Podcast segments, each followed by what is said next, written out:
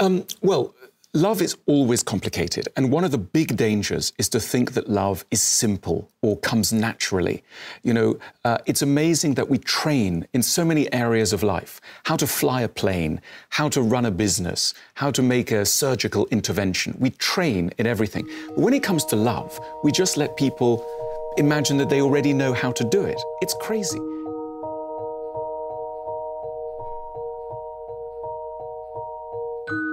ألان دو بوتون فيلسوف معاصر. كل كتاباته عن الحب.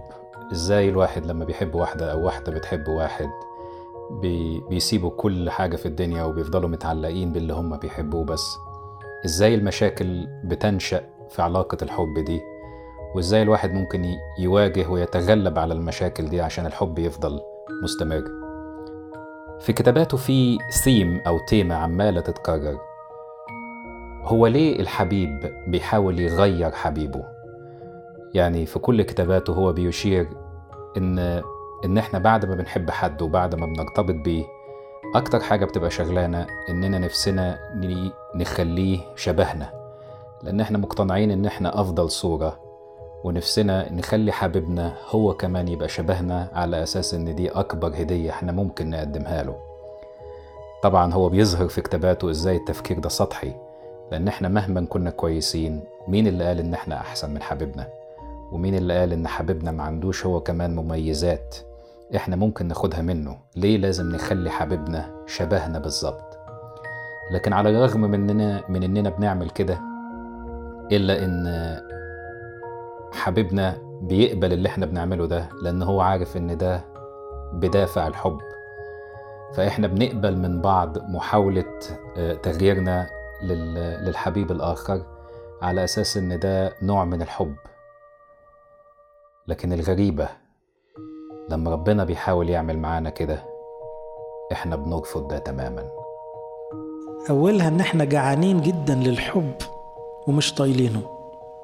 يعني كلكم ليكوا ناس بتحبكم بس محدش فينا شبعان. حتى اللي له ناس بتسأل عليه مش مكفيينه عاوز تاني ولو سألوا تاني عاوز تالت. تلاحظوا كده. لأنه لما الناس تحبك لا يمكن تشبعك. أغسطينوس هو كمان كان جعان حب. حكاية القديس أغسطينوس هي حكاية شخص بيبحث عن الحب في كل الأماكن الغلط.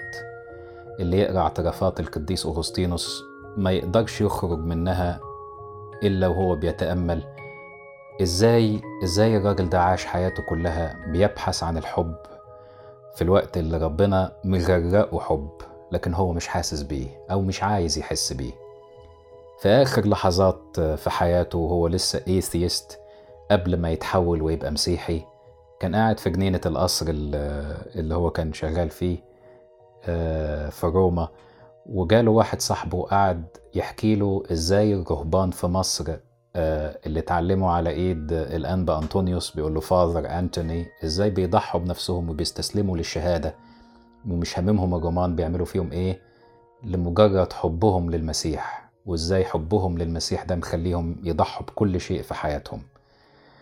وهو طبعا كان آه، مثقل جدا بالتفكير في المسيح بسبب كلام القديسة مونيكا أمه على ربنا وبسبب كل محاولاته للبحث عن أي إله آخر وهو مش لاقي. بعد ما سمع الكلام ده حس إن في نار جواه. قعد يلف في جنينة القصر بالساعات. كان في واحد صاحبه تاني قاعد وشايفه عمال يلف وصعب عليه حاول يروح يتكلمه. لقى القديس أغسطينوس بيشاور له إن هو ما يتكلمش. وعينيه كان يبدو إن فيها دموع وفضل يلف ويلف ويلف ويلف. نام من كتر التعب وقام وهو بيقول إن هو سمع صوت يشبه صوت طفل. بيقول له قوم واقرأ. قام قعد يبص على أي حاجة حواليه. ما كانش فيه إنجيل زي اللي معانا دلوقتي لكن كان فيه آه، زي كتاب فيه كل رسائل القديس بولس الرسول. فتحه عشوائي وبيقرأ في رسالة أهل أهل روميا. وبعد قرايته شعر إن على الأقل هو ده اللي قاله as if light was flooding in him. يعني زي ما يكون النور بيغمره. هو مش قادر يعرف إيه اللي حصل له. وإيه اللي اتغير فيه؟ مش قادر حتى يوصفه. لكن هو قال إن من اللحظة دي هو بقى مسيحي وما بقاش خلاص قادر يبقى أي حاجة تاني إلا إنه مسيحي.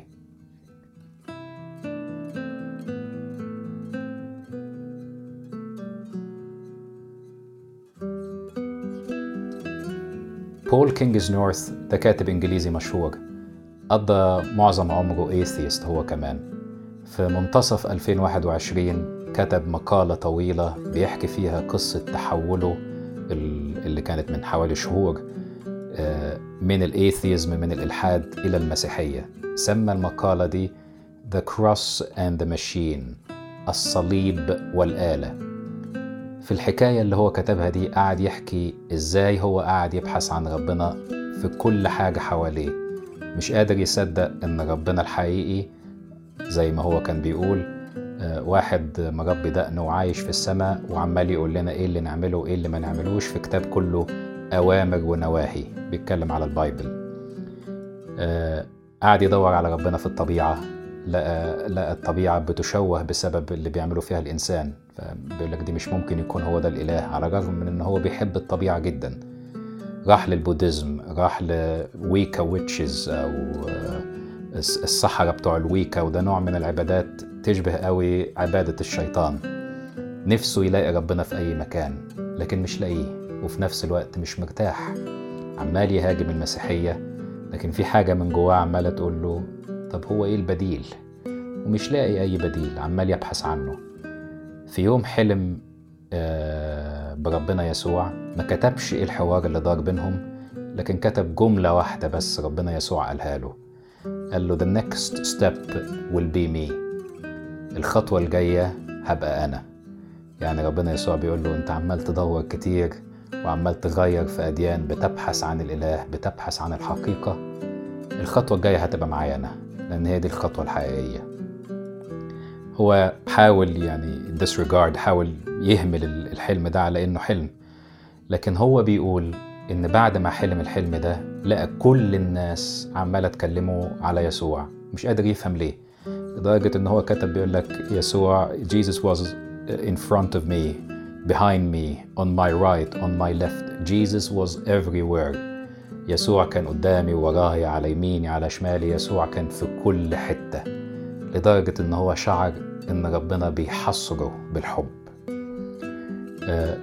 في يوم رايح يعمل العبادة بتاعته دي اللي هي زي السحر شعر بألم داخلي جواه حس إن في حاجة بتشده لورا ما بقاش قادر يعمل اللي هو بيعمله. وتاني يوم صحي لقى مراته بتقول له على فكرة أنا حاسة إن أنت هتبقى مسيحي. راح رد عليها وقال لها أنا خلاص بقيت مسيحي.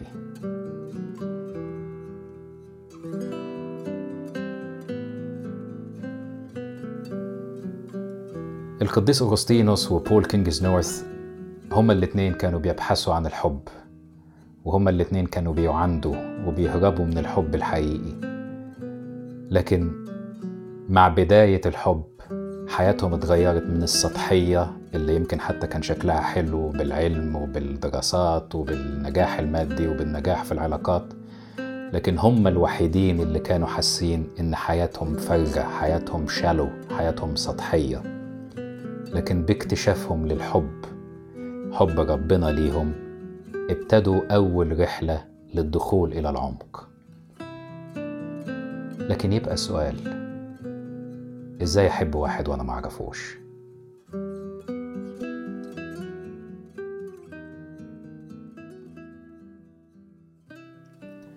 ربنا هو كمان عايز يغيرنا عايزنا ندخل معاه للعمق.